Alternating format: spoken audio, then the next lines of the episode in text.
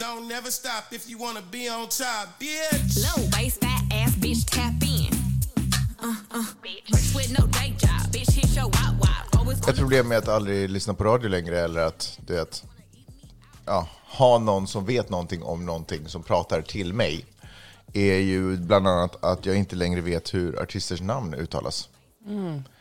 Den här tjejen, Savity, Savitai, Savity, jag vet inte. jag vet inte. Ja, men vi gillar det i alla Kolla, fall. kolla. Vad ska du säga till dig? Sweetie. Sweet. Sweetie. Sweetie, sweet, ja men gud. Gud vad dumt. Alltså, jag, hur, gammal är, hur, hur gammal blev jag nu? Blev jag, blev jag 74 år gammal? Det är en annan grej som, alltså när jag ändå är på hur gammal jag är, eh, all musik börjar låta likadant. alltså det är bara, det är bara dunka-dunka. Nej, men. Nej, inte dunka-dunka. Men alltså kolla här. Var det där, var det där Sweetie eller var det eh, Megan Thee Stallion? Jag tänkte också Megan Thee Stallion. Eller var det Cardi B? Eller var det, eh, fan heter hon som var, inte typ först, men som ändå var den första av dem, så att säga, den nya vågen. Ah, it. Ah, men ni fattar vad jag menar.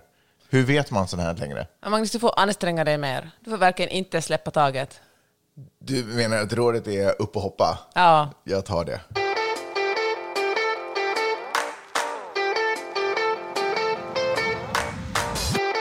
Du lyssnar på Magnus och Peppes podcast.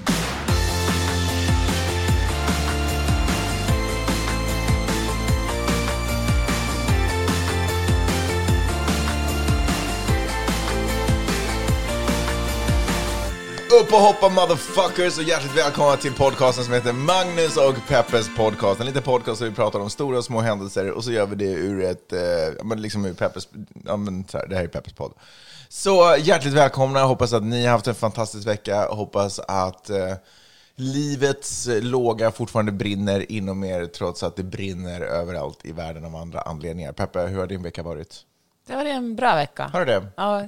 Ut, elaborate, please. så här, I morse till exempel, för att vaknade Den här upp. veckan börjar med i morse. Nej, men Okej. jag vill börja här. Ja. Då vaknade jag av ett sms att eh, jag är med i eh, Svenska Dagbladets eh, perfect, eh, perfect helg, perfect helg, perfect weekend. Perfect per- helg. perfect helg.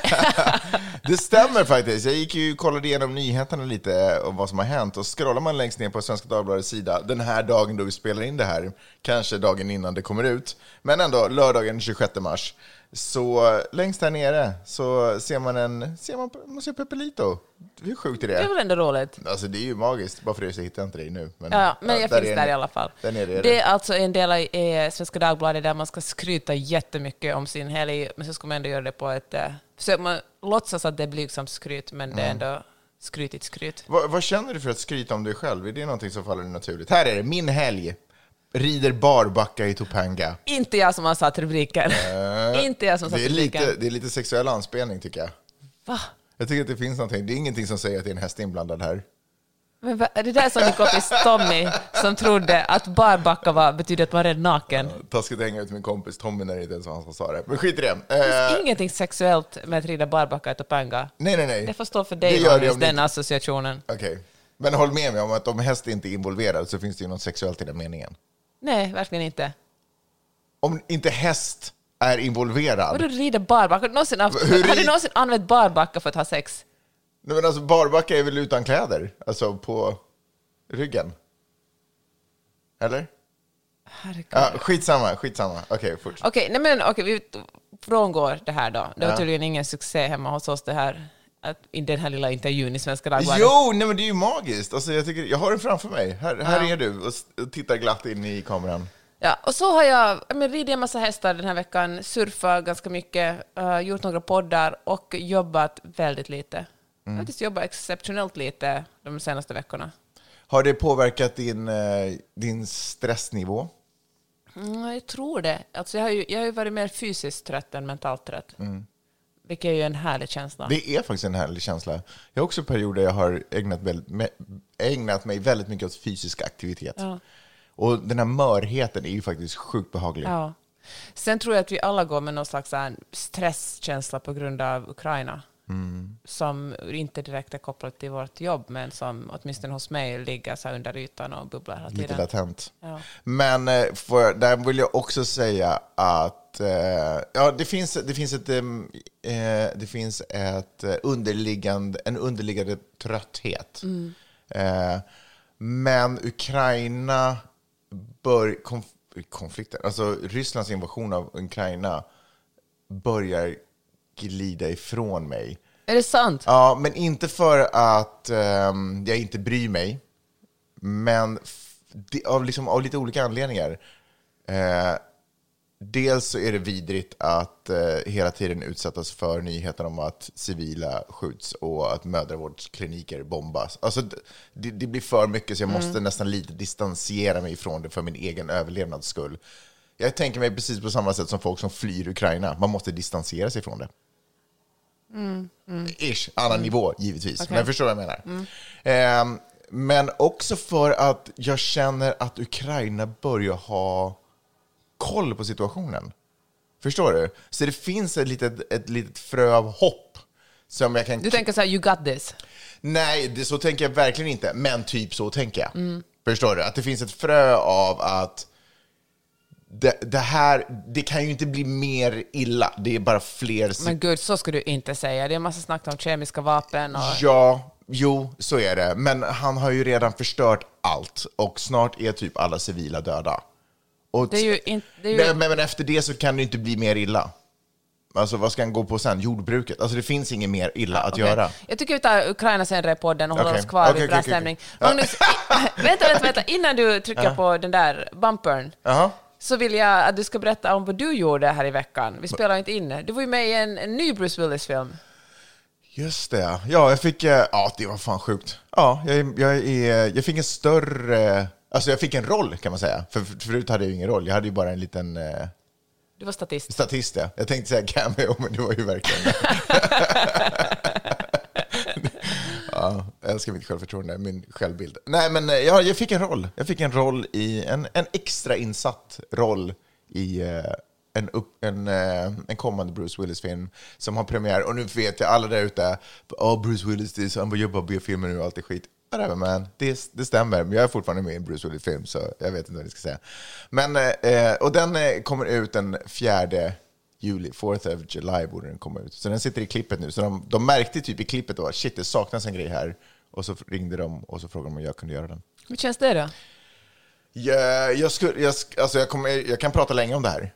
Nej, men prata kort om det. Okej, eh, ja, så här, att vara skådespelare eh, har ju varit en eh, barndomsdröm. Det är många, ja, jag har haft många barndomsdrömmar, men det har varit en av dem. Eller bara så här, tänk vad coolt det skulle vara att få vara som dem på den stora vita duken. Jag tror alla har tänkt den tanken. Ja, jag menar det, precis. Eh, men jag har, min grej har varit att jag har, eh, jag har varit rädd för min nervositet. Jag har varit stressad för att jag inte... Jag, jag, har läst, ett- eller jag gick i så dramaklasser på, på gymnasiet. Eh, men jag tycker att det är obehagligt det här med att lära sig repliker. Och så. så det har liksom varit att jag vill inte utsätta mig för den grejen, för det har varit sjukt läskigt. Så när, när jag fick ett meddelande att bara, hej, eh, vill du, jag, har en, jag har en roll åt dig i den här filmen, skulle du vilja ha den? Eh, manuset är mejlat. Så, så gjorde ju mitt hjärta liksom 98 volter. Det hoppade över säkert 15 slag. eh, och- Just det, det var då jag måste ge dig lugn och... lugn och Hjärt- och lungräddning. Hjärt- och lungre- Hjärt och lungräddning. Lugnräddning. Nej, men eh, jag gick in och så såg jag att det var, det var en lång monolog. Eh, och jag blev, alltså, den här slitningen mellan att gud vad jag vill göra det här, men gud vad jag inte vågar, gud vad läskigt det här är. Den slitningen.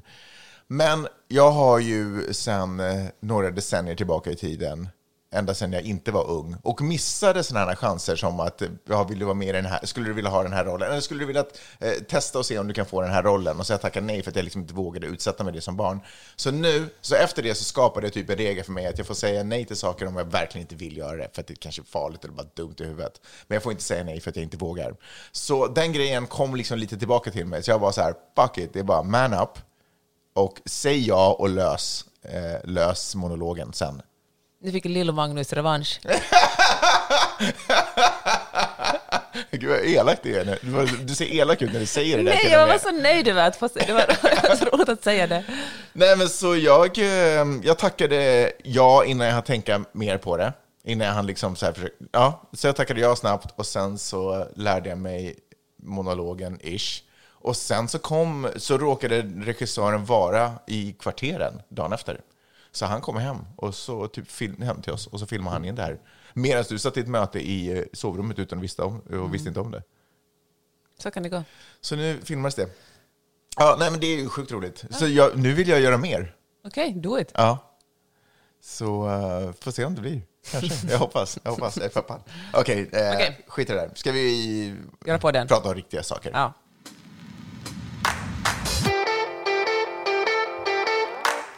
Jag har läst eh, mycket texter den här veckan igen och eh, fått en sån aha-upplevelse kring eh, censur och propaganda. Det snackas ju väldigt mycket om rysk propaganda. Och eh, det finns ju väldigt mycket amerikansk propaganda också. Nästan alla länder utsätts för någon form av propaganda. Och speciellt om man hänger mycket på sociala medier. Och eh, jag fick en sån aha, min aha-upplevelse var det här att uh, egentligen är det, det stora problemet i västvärlden, eller egentligen på de flesta ställen där man har någorlunda fri press, är att eh, inte att någonting censureras, det är mycket snack här i USA om censur hit och dit, utan det stora problemet är att vi drunknar i information. Och folk har liksom inte riktigt kapaciteten att eh, skilja det som är sant från det som är falskt. Och, och för det är svårt. Och det är, jag tror att om man tror, om man tror att man är en person som alltid kan göra det, då är man illa ute. Eftersom, du vet så att om man tror att, att man är smartare än alla andra är man antagligen den dummaste av alla andra av, i rummet. Förstår du vad jag menar? Jag förstår 100% vad, jag menar, vad du menar. Tror du att vi är extra utsatta för det, där, eller sårbara inför det, för att vi lever i ett kapitalistiskt samhälle där säljsnack har en jättestor eh, roll? Ja, just det. Ja, verkligen. För det tänker jag, jag tänker hela tiden, sälja någon någonting åt mig nu. Ja. Alltså, är det här, precis, ska jag köpa någonting eller är det här bara information? För säljsnack är väl, en, Ja. alltså reklamfilm och allt det, det är väl en, liksom, jag förstår att propaganda är kopplat till en statlig eh, liksom, syn på, eh, sådär, eller ett statligt budskap som ska spridas. Men propaganda tänker jag nu, utan att ha läst på det alls överhuvudtaget, eller vara etym, etymolog eh, eller så. Men jag tänker att det är pro och liksom agenda, eller... Nej, men vet du vad? Propaganda, ända fram till första världskriget så var propaganda någonting som inte hade några negativa konnot- konnotationer alls. Utan propaganda var typ bara information. statsinformation. Och, ja, information och kanske lite marknadsföring också. Men, eh, men sen hade det tagit sig andra former och eh, blivit någonting väldigt negativt. Någonting som vi associerar med liksom auktoritära diktaturer och någonting som inte enbart är sant. Så eller inte som, alls är sant, associerar man det med. Är det propaganda så är det genast kopplat till att man försöker, man försöker styra bort ifrån sanningen. Ja, ja, kanske det. Jag kanske inte tänker på propaganda lika hårt, Ja, okej, men det kanske okej. bara för att eh, jag tog den kursen på USC som handlar om propaganda och de talar om det här. Det var superintressant. Mm. Okej, Ja, men i alla fall, Men, mycket eh, information ute nu. Ja, och eh, ja, i alla fall, att vi har svårt att orientera oss i vad som är sant och falskt. Och när vi en gång bestämmer oss, alltså en gång fattar, får en uppfattning som vi tror att vi har kommit på själva eftersom vi har samlat på oss information, är vi så nöjda vid det och det är så jobbigt att förändra sin åsikt, så då håller vi hellre fast vid den och sen samlar vi på oss saker som bekräftar den här, alltså confirmation bias. Vi ser bara sånt som bekräftar vår världssyn. Och har man otur kanske man snubblar in, det här är nu kanske radikalt, men man snubblar in på Qanon liksom, eller någon annan liksom, sekt och sen tror man bara på det som sägs där. Eller man bestämmer sig för att eh, Donald Trump eh, var den riktiga vinnaren i valet 2020. Håller man, håller man sig kvar där och sen bara samlar man på sig saker som bekräftar det. Det handlar delvis om algoritmer såklart, men det handlar också om den egna hjärnan som bara sållar bort saker som, som gör det lite jobbigt för en själv att, att leva med sin övertygelse. Man läser helt enkelt, eller tar- inte in sån information. Intressant. Och det är, ja, men, och det är ett, ett jätte, jättestort problem. Och jag vet faktiskt, jag har tänkt jättemycket på det här. Jag tittar också mycket på hur eh, jag menar, hela influencerkulturen har gjort att vi lyssnar på människor. Alltså, så jag tänker nu på Tucker Carlson till exempel i, eh, på Fox News, som är så här, alla vet vem Tucker Carlson är, en opinionsbildare på Fox News, som, eh, som uppenbarligen är påverkad av Ryssland. Alltså, den här tidningen Mother Jones gjorde ett, eh, så här, gräv, ett gräv på honom och visade sig att hans namn hör till de få namn som verkligen nämns när man talar liksom, om att påverka amerikanska opinionsbildare. Och, eh, Och ryska opinionsbildare nu också. Ja. Och, eh, och så otroligt många människor den här personen påverkar. Och, det, och, och jag förstår också det, för det är ju exakt det som influencers handlar om, att en människa talar till en annan människa. Att säga att det här kommer från en nyhetsbyrå kan ju verka läskigt, och om man är otroligt skeptisk till statliga myndigheter och institutioner, så är det skönare att ta information från en person som man kanske identifierar sig med, som man trott på tidigare, än att lyssna på någonting som kommer från NPR eller YLE eller liksom Sveriges Radio. Det är helt enkelt det är människa till människa, och vilket absolut inte gör det mer sant, men jag tror att det finns något mänskligt i att, att, eh, att man vill tro att det är sant. Så det tycker jag är superläskigt. Och eh, det här, det, det som jag tänkt på väldigt mycket de, just de senaste veckorna är hur, eh, hur det kommer att gå i det amerikanska presidentvalet eh, 2024. För att det finns ju en... Alltså det är inte självklart att Trump kommer att bli vald. Alltså om, om han märker att hans opinionssiffror kommer att se skakiga ut kanske han inte ens ställer upp i valet. Alltså han kommer att bestämma sig väldigt, väldigt sent. Nu finns det ju några uppkommare, alltså Ron DeSantis som är guvernör i Florida som vi har talat om, han kommer definitivt att ställa upp i presidentvalet och försöka bli en Trump 2.0.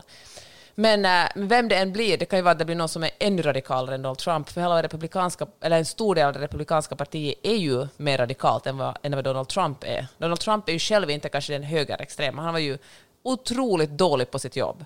Men han hade ändå liksom inte högerextrem, okej, till viss del, men ändå, han är inte proud boys. Han liksom gick inte ut och liksom ville förbjuda, sådär som man gör nu i vissa amerikanska delstater, att man inte ens får prata om homosexualitet i skolor.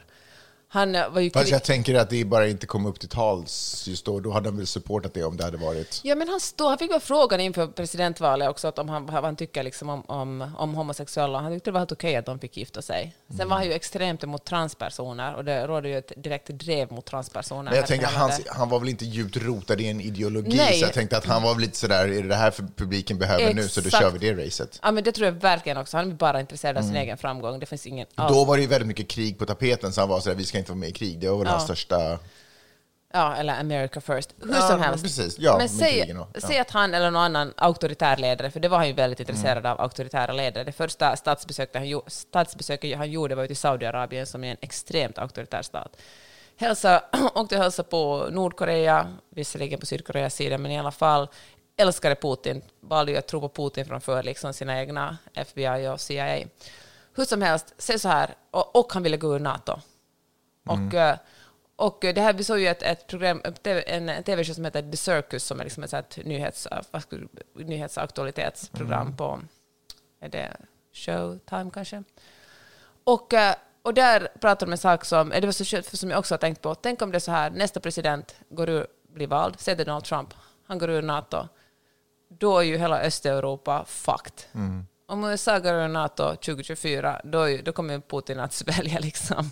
Om man inte tar Ukraina nu, då går, åker ur Ukraina sen. Sen nästa är de baltiska staterna och gud vet var han stoppar. Fy fan vad obehagligt det den tanken. Eh, Det känns så mörkt att tänka den, men att... eh, Och att det till så stor del handlar om missinformation, eller direkt disinformation. Att folk inte vet, alltså röstare får fel information, för man ljuger åt folk som fattar demokratiska beslut som i längden leder till att auktoritära stater får allt mer makt. Och att USA, vars demokrati verkligen har krympt de senaste åren, att USA blir en allt mer auktoritär stat. Jag känner att det där är, när du pratar om det så svindlar det nästan i mig. Alltså det blir som ett, ett, det mörkaste rabbit holet i världen på något sätt som man bara sugs ner i. Så jag kan nästan inte ens tänka den tanken. Om han kommer tillbaka som president så måste han komma tillbaka som en bättre människa.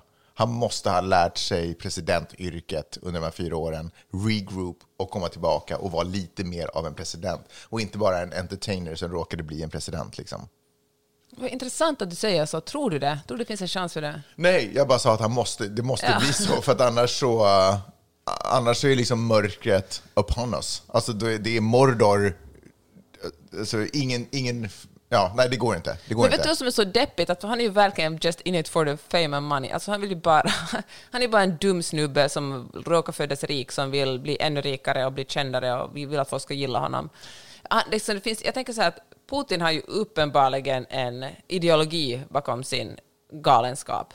Alltså han vill ha makt, han vill göra Ryssland större.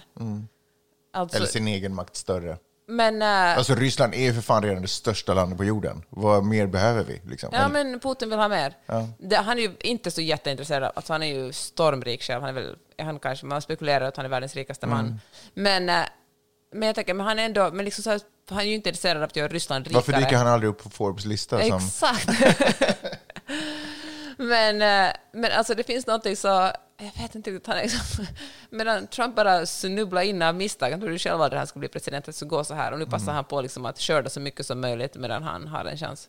Vet du en grej som jag tycker är väldigt skrämmande, som jag liksom inte riktigt tror jag har förstått? Och det är att jag tänkte att det här, um, de här uh, konspirationsgrejerna med QAnon och allt det där, så man hör inte så mycket om QAnon nu för tiden förresten. Ja, fast Finns de, den rörelsen de finns ju på Telegram, de finns absolut, och de är jätteaktiva på Telegram, och de håller ju på Det känns inte som att de skapar nyhetsvärde längre. Och det är inga demonstrationer med Q runt omkring längre, tycker jag heller. Nej, men de har ju också omförvandlats till den här, eh, alltså de här lastbilarna som först demonstrerade i Kanada och sen körde de hela vägen till, till Washington DC. Som, som Mhm. Ja, men där gick ju alla tokstollar in och skulle vara med. Ja, men jag menar det. Jag tror att, att Q har blivit lite av ett samlingsnamn för folk som tror på konspirationsteorier. Jag tror i och för sig också att Biden, säger man vad vill om honom, man behöver inte tycka att han är världens stabilaste, men jag tror att han ändå också hans, han har lugnat ner landet. Det är inte, folk är inte på samma sätt arga.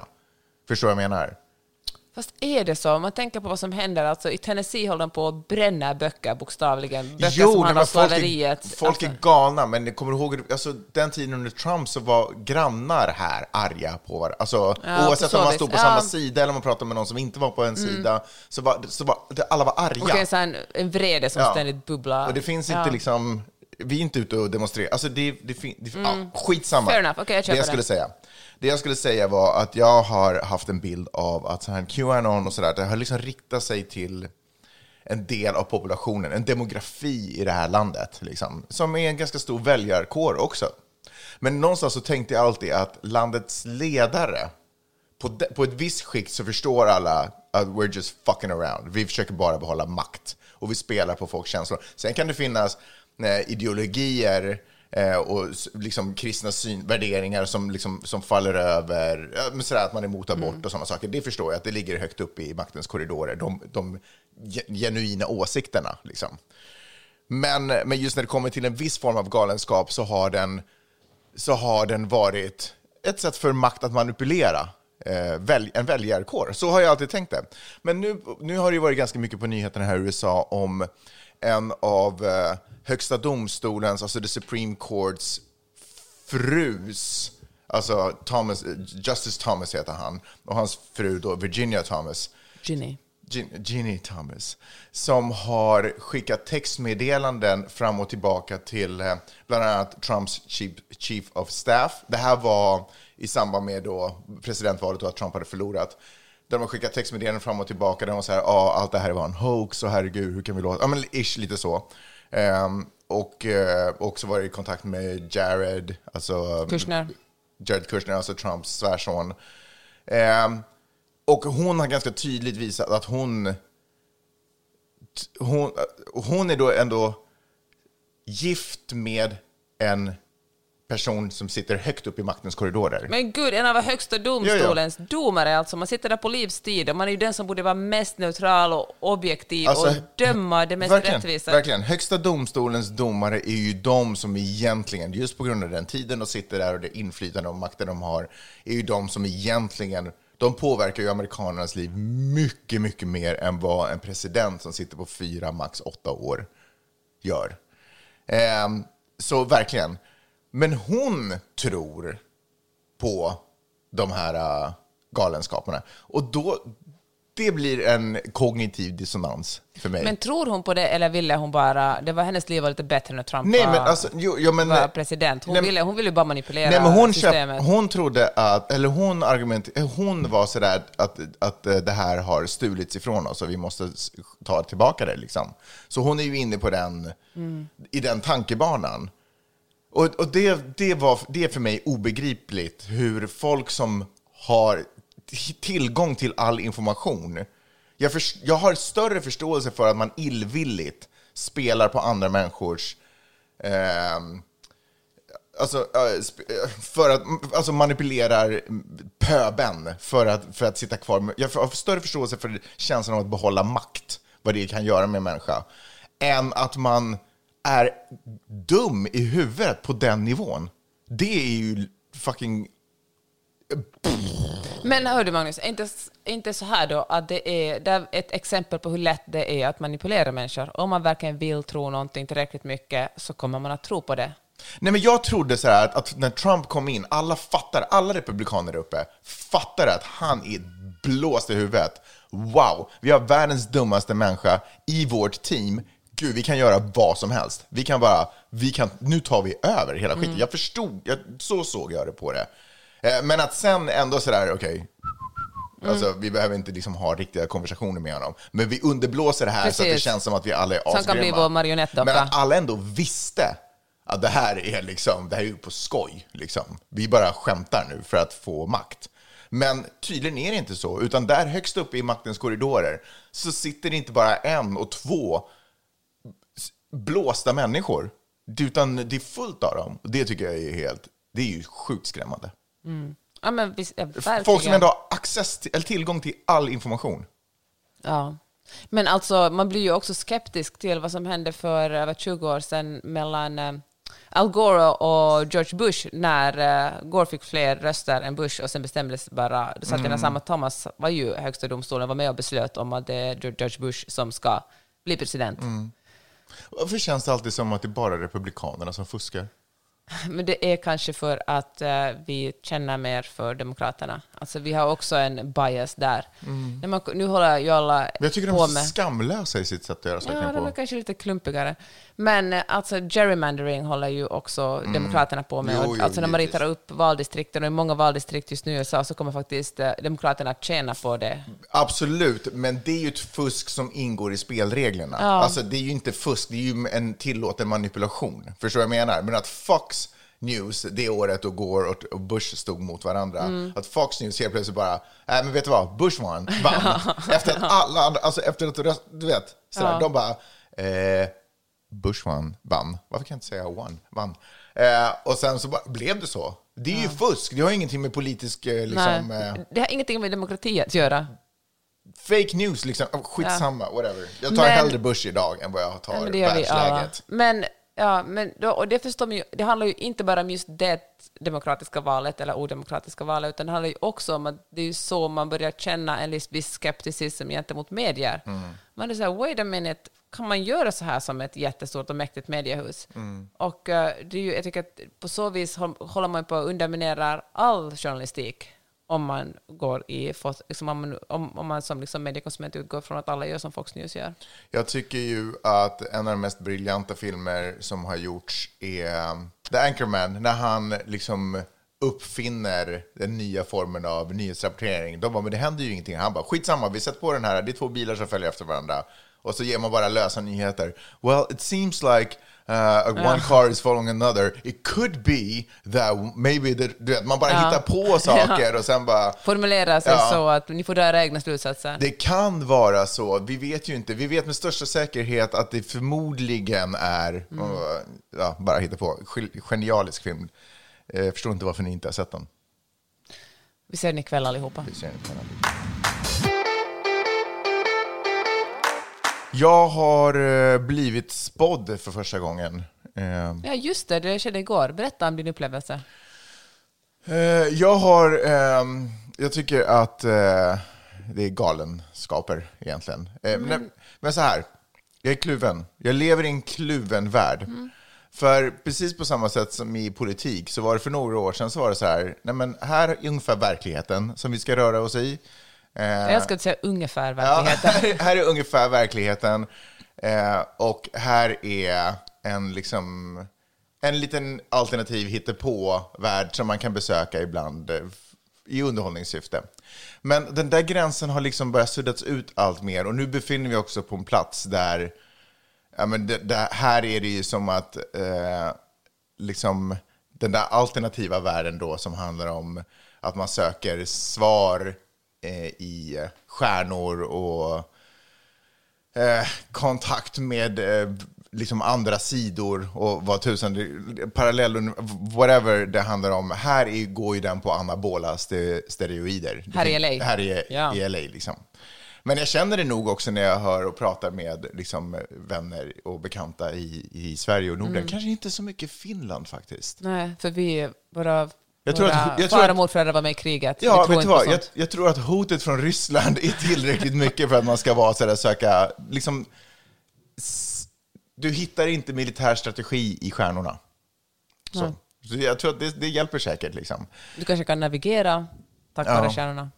Men jag ska, alltså det jag på något sätt skulle vilja prata om är att eh, det var en eh, spännande upplevelse att, att ha någon som talar om för en. och det. Och det som slog mig var är att eh, jag förstod varför, jag, jag, för jag kände att det var behagligt. Och jag, det, jag slogs av tanken av att eh, vara vuxen. Varför har jag inte gått omkring som en 15-åring och känt behov av att bli spådd ett tarotkort? Versus nu, vad roligt det skulle vara. Vi var på ett event och det var en person, och de hade tagit in en person, precis som man ibland tar in någon som gör tatueringar eller vad tusan man gör. Så hade de tagit in en person som, kan, som läste tarotkort åt. Så det var inte så att jag gick, och, jag gick in i en shop här. Vilket är coolt att det finns sådana shoppar här också. Men, eh, men jag förstod att, att, som, att som vuxen så är det, det är svårt att vara vuxen. Det är tufft att ha, sitta med ansvar och, och också nu när vi har barn, ansvar för, inte bara för mitt eget liksom, liv och att jag måste vara någonting och, och ställa den mot på något sätt min självbild och mina drömmar och alltihopa. Nu ska jag göra det och så ska jag på något sätt se till att mina barn växer upp och blir bra medborgare och bra världsmedborgare och, och dessutom förhoppningsvis känner någon form av lycka i livet större delen av tiden i min förhoppning. Så det är mycket press liksom. Och saker och ting förändras och även fast jag känner att man är koll ena dagen så helt plötsligt så fucking går Ryssland in i Ukraina och sen så vänds liksom min värld upp och ner också så måste jag på något sätt. Så det är mycket press och grejen är när jag var 30, 10 år, 15 år och kände mig orolig för vad det nu kan ha varit skola, bet- inte fan vet jag. Liksom. Då kunde jag gå till min mamma och pappa och så kunde jag sätta mig ner och så kunde jag vara så här, jag är så himla orolig och så kunde de prata om min oro.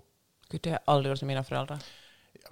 Jag vet inte om jag har gjort, jag har säkert gjort det i och för sig. För Men jag jag, hör dig, jag förstår din teori. men det finns, det finns någon där för mig, att- ansvaret ligger inte på mig. Precis. Men vet du vad? Jag tror verkligen att du sätter huvudet, huvudet på spiken Nej, vänta, jag kommer inte, för jag ska Ja. bara slå Förlåt. huvudet på spiken också så att du sen kan få fortsätta.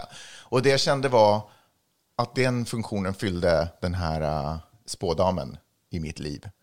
Jag sitter med oro och eh, jag har ingen att vända mig till.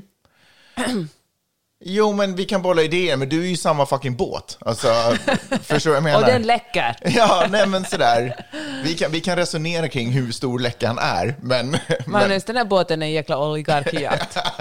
nej, men jag är inte... Alltså, men förstår du vad jag menar? Det här, Ja, ja, är, det här är inte rationella tankar alltid. Nej, jag egent- skojar bara med det. Och egentligen så gick jag inte fram till henne för att jag kände mig oro, men jag bara menar att som vuxen så finns det press. Mm.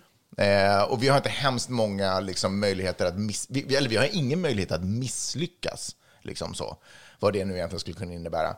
Så, eh, men, så det, den här spådamen då blev, så att jag bara kan slå huvudet på spiken, blev den här personen jag kan vända mig till som är sådär, här, så här kan du göra. Det här kan vara din väg, din, din lösning. Och du ska se att allt blir bra. Liksom. Eh, så. Och då kände jag, tack mamma, tack pappa. Eh, Jag fattar. och så kändes det lite bättre i mitt Ja. hjärta.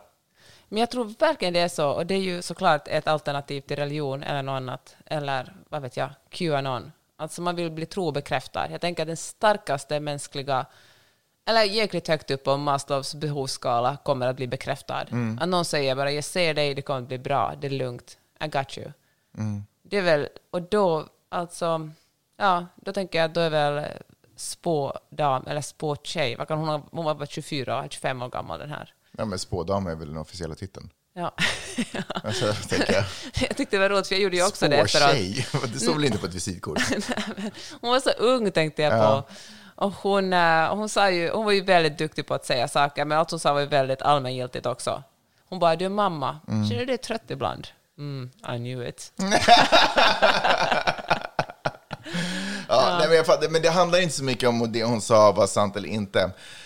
Men, men jag har ju liksom ett personligt problem med eh, folk som vänder sig till svar för stjärnorna.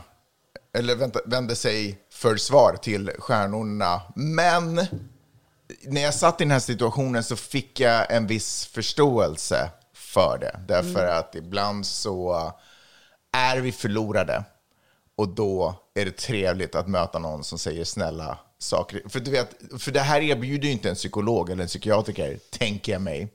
För de vill ju gå till kärnan med varför man mår dåligt. Och uh, ibland, precis som när du och jag, om du har någonting som du vill tömma det på mig så vill du inte alltid ha lösningen på problemet, utan man vill bara få ur sig det och en känsla av att nu har jag fått ur mig det och jag förstår att everything's gonna be fine. Medan en, så jag tänker en psykolog, då är det så här, men jaha, var börjar den här känslan någonstans? Man bara, "Åh!" Och då är man verkligen ner för the rabbit hole igen. Även fast det också kan vara bra att hjälpa många människor. Men om jag, som jag inte upplever har ett riktigt problem, så var det en, en behaglig upplevelse. Ja, bra. Jag är glad att du kom ut ur det med så mycket positiv energi. Ja, eh, för jag har, jag, det, det är ju också det med, med den här, um, jag vet inte ens vad det kallas för, pseudovetenskap, jag vet inte ens vad det kallas för. Men eh, jag förstår ju att en, en stor del av mitt problem med det har ju också handlat, precis som säkert många har känt inför veganer, att de som representerar den här falangen är inte personer jag kan relatera till. Varför måste du, varför du, måste du vara så sjukt annorlunda än vad jag är? När du, sådär, förstår du vad jag menar?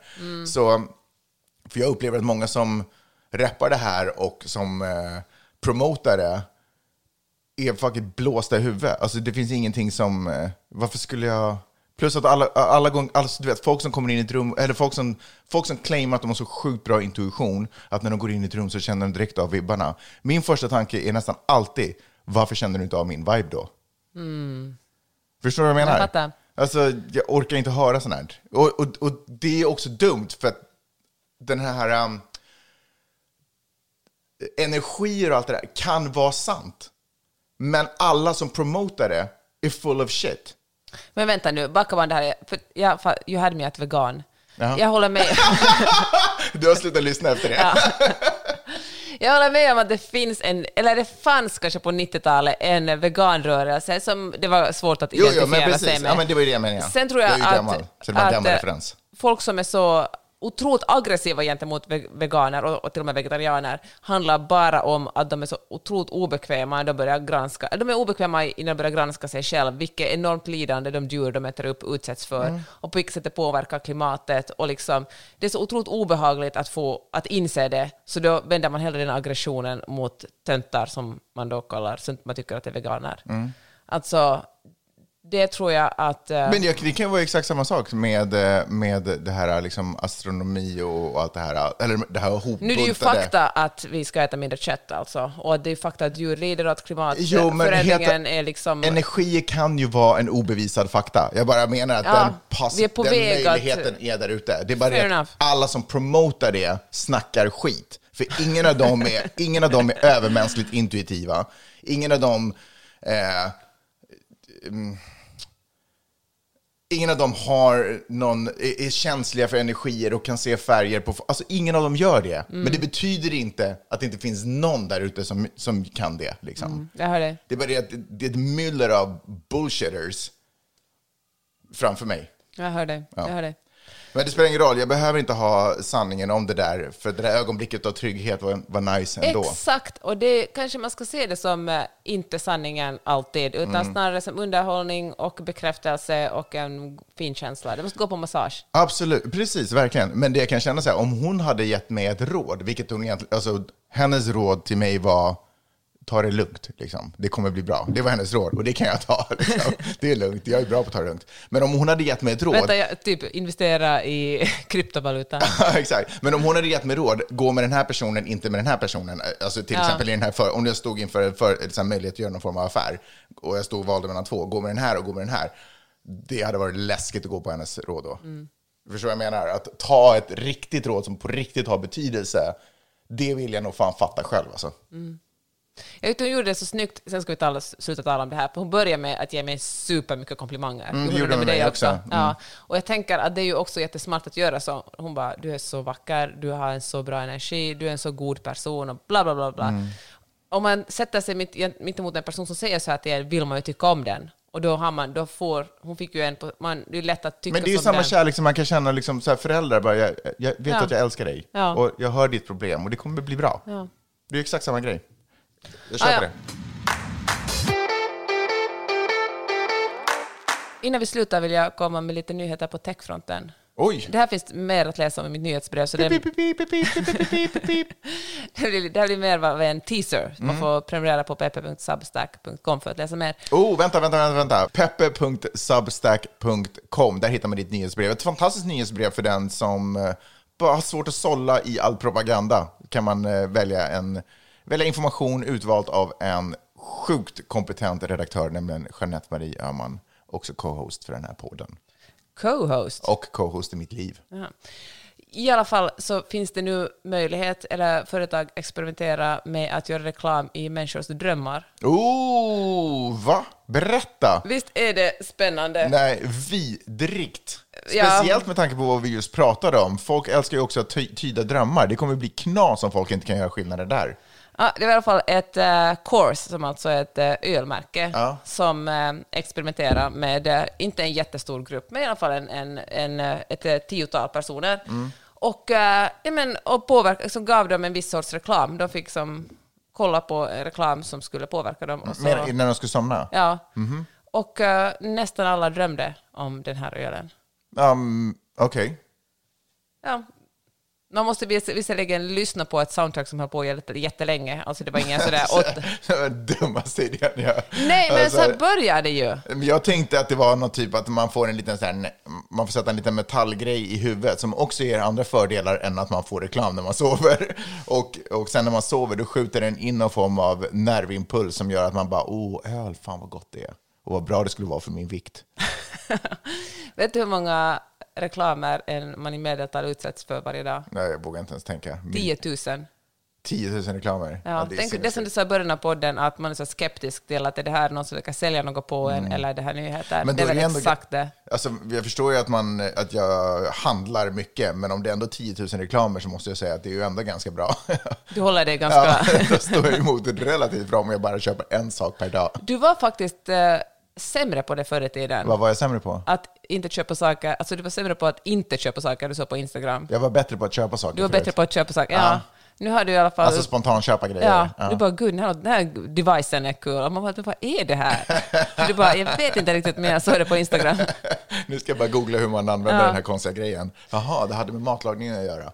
Ja, Ja, nej men det var ju spännande utveckling. fast också obehagligt. Men fan, visst är det intressant att vi utsätts för så enormt mycket reklam och då... har Och säkert- ändå så känner de att det inte är tillräckligt. Exakt, det är åtta helt obrukade timmar. Sen människorna bara, man bara får lite lugn och ro, men nej, in med reklamen. Och sen så kommer de fixa så att vi, när vi också sover, kan göra spontanköp. Ja, exakt det. Eh, en, ny, en ny teknik jobbar ju också på att eh, när, vi reda, när vi går in på Amazon eller någon annan grej, då ska vår varukorg redan vara fylld med saker som vi vill ha. Mm. Så att man inte ens behöver söka på grejer där, utan man bara kollar vad som finns i ens varukorg. Bara, ja, den här vill jag ju faktiskt ha, den kan ligga kvar. Vet du vad Alexa sa till mig igår? Nej. Bara att eh, det börjar bli dags att köpa diskmedel. Oj, är det sant? Ja. Oj, jäklar. Det kändes obehagligt. Det känner, alltså, jag kommer Jag att, gillar inte när Alexa börjar tillrättavisa en. Snart Nej. kommer Alexa vara sådär, du, eh, det är kanske dags att tvätta dig under armarna nu. men Alexa ska väl skita i hur vi håll, håller koll på hygienen i den här 100 familjen. procent. Alexa, bara inte ta, ta dig inte ton. Ta dig inte ton i det här hushållet. Då I'll unplug you faster than you can say dishwasher. Ja. Hör du, Magnus, är vi redo att avsluta den här podden? Det är vi. Nu drar vi ut och surfar. Tack så hemskt mycket för att ni lyssnade den här veckan. Ni är otroliga, ni är bäst. Mm. Vi hörs. Peppe.substack.com. Magnus Peppes podcast heter den här podden. Och jag heter Magnus Silverin Salmon. Och jag heter Peppe Öhman. Peace! Magnus and Pepe, I think it's time you quit and go surfing. And don't forget to shower afterwards.